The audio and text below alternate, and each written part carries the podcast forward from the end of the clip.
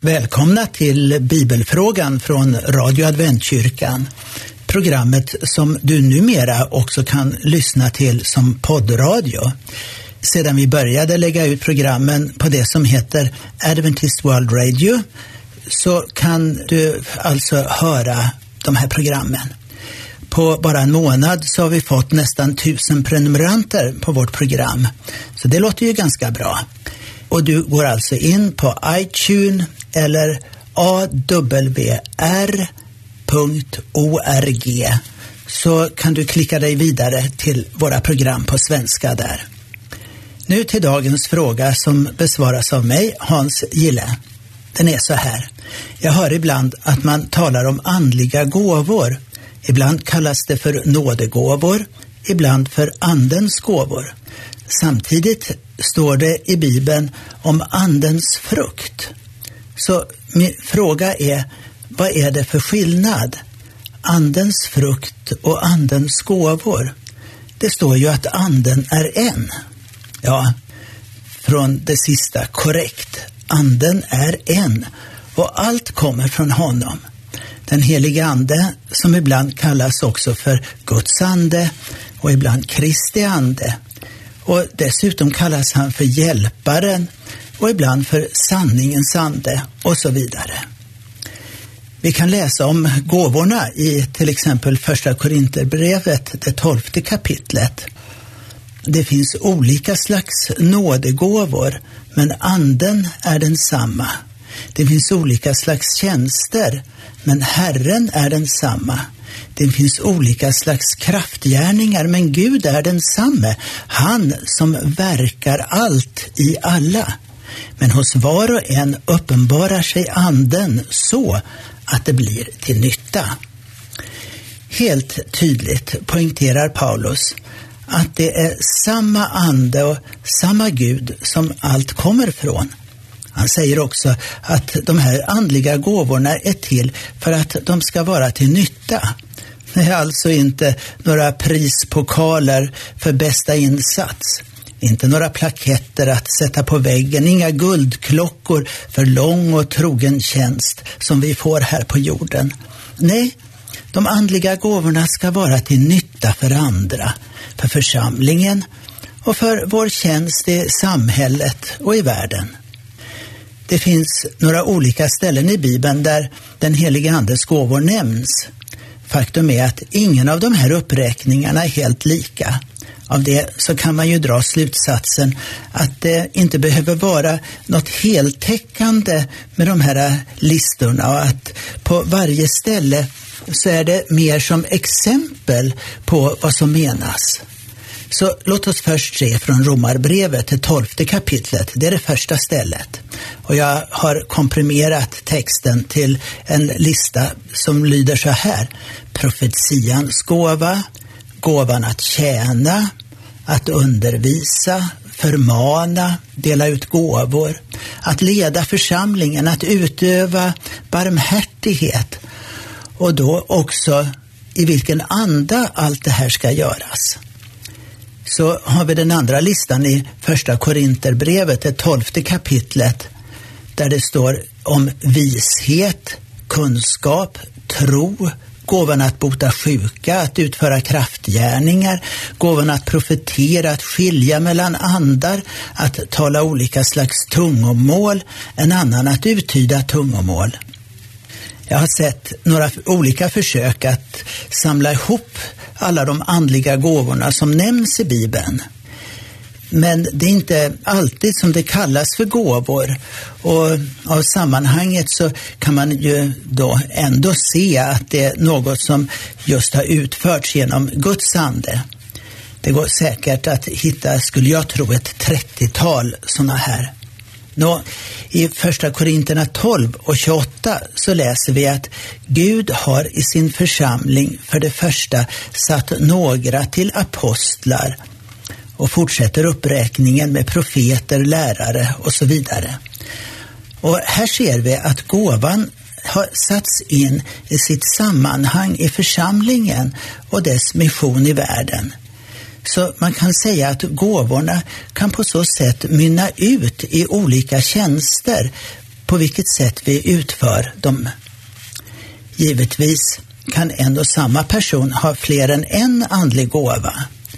Men när någon kommer och påstår sig ha samtliga eller en väldigt mängd av de här andliga gåvorna, då är det dags att dra sig tillbaka något.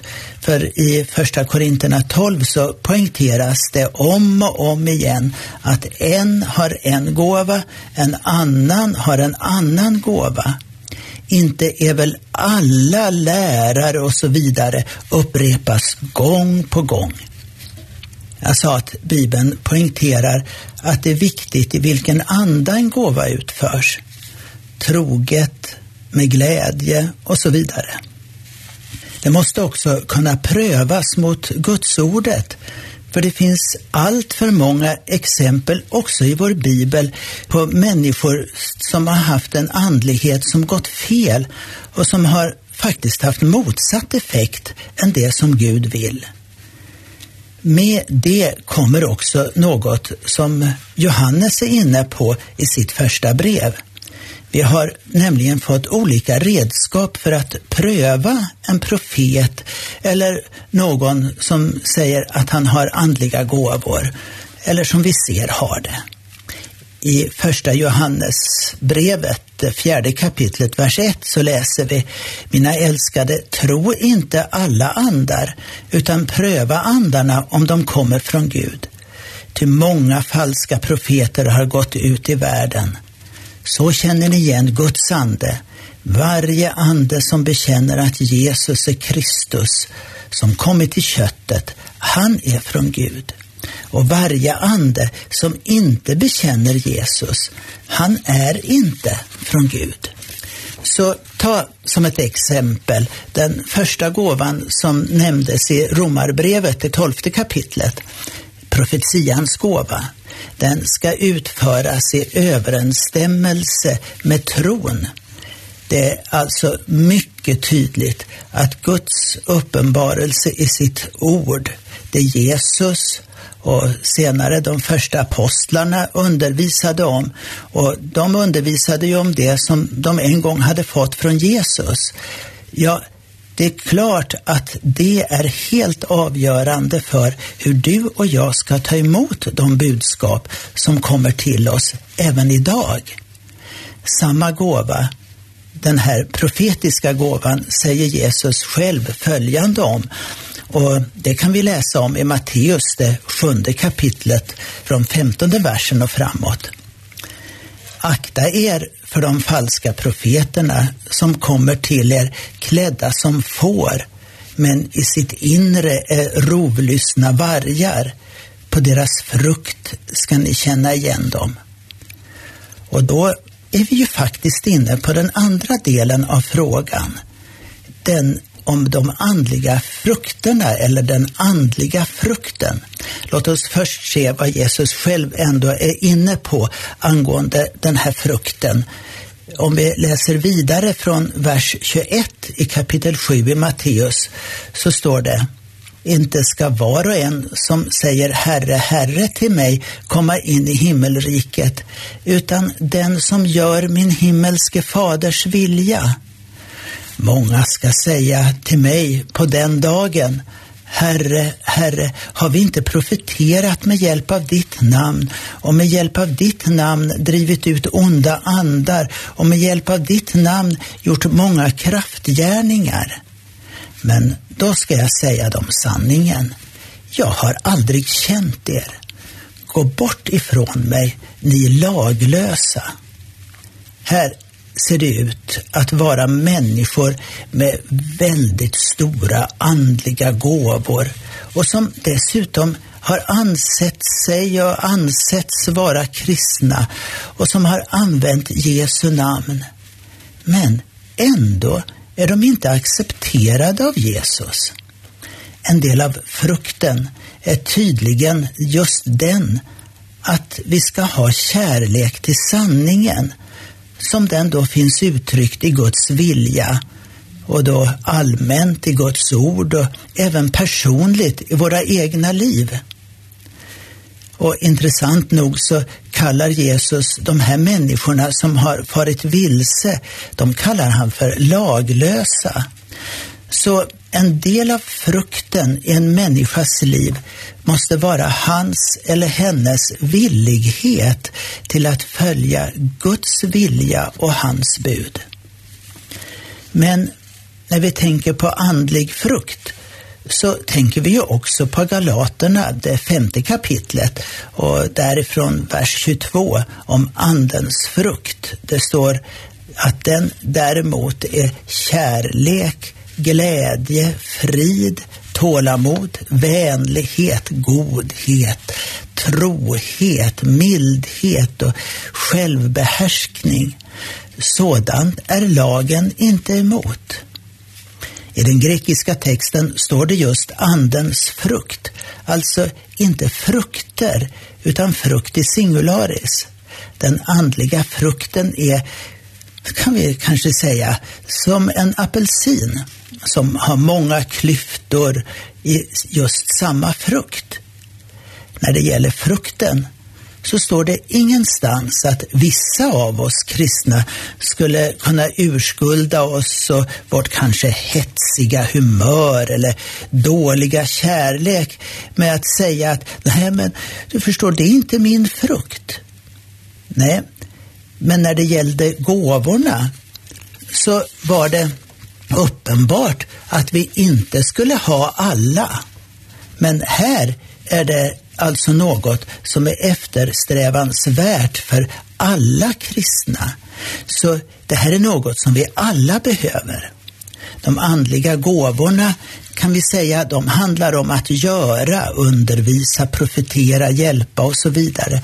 Frukten handlar om att vara, glädje, frid, tålamod och så vidare. Galaterbrevet har också en motsatt lista på hur ondskan fungerar. Där finns motsatsen till heliga andes gåvor som svartkonst, villoläror, avgudadyrkan, otukt, splittring, men också motsatsen till den andliga frukten som kiv, avund, vredesutbrott, gräl, illvilja, utsvävningar. Så vi kan konstatera att det finns mer än en andlighet i världen. Vi blir ju också varnade för ondskans andemakter.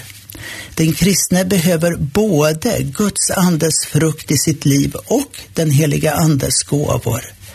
Första Korinterna 12 och 11 säger, men allt detta verkar en och samma ande som efter sin vilja fördelar sina gåvor åt var och en. Gåvorna är alltså till slut inte mitt val, utan Guds. Om det sedan också handlar om talanger, medfödda eller förvärvade, det tycks inte spela så stor roll, bara vi ärar Gud med hela våra liv. Ja, det var frågan och svaret. Och programmet Bibelfrågan kommer från Radio Adventkyrkan och dit kan du ringa på 031 711 11 99. Och Adventkyrkan den ligger kvar på Norra Legatan 6 nära Järntorget. Och gudstjänster har vi där varje lördag klockan 11.30. Så välkommen hit! Jag heter Hans Gille och programmet kommer från Radio Adventkyrkan.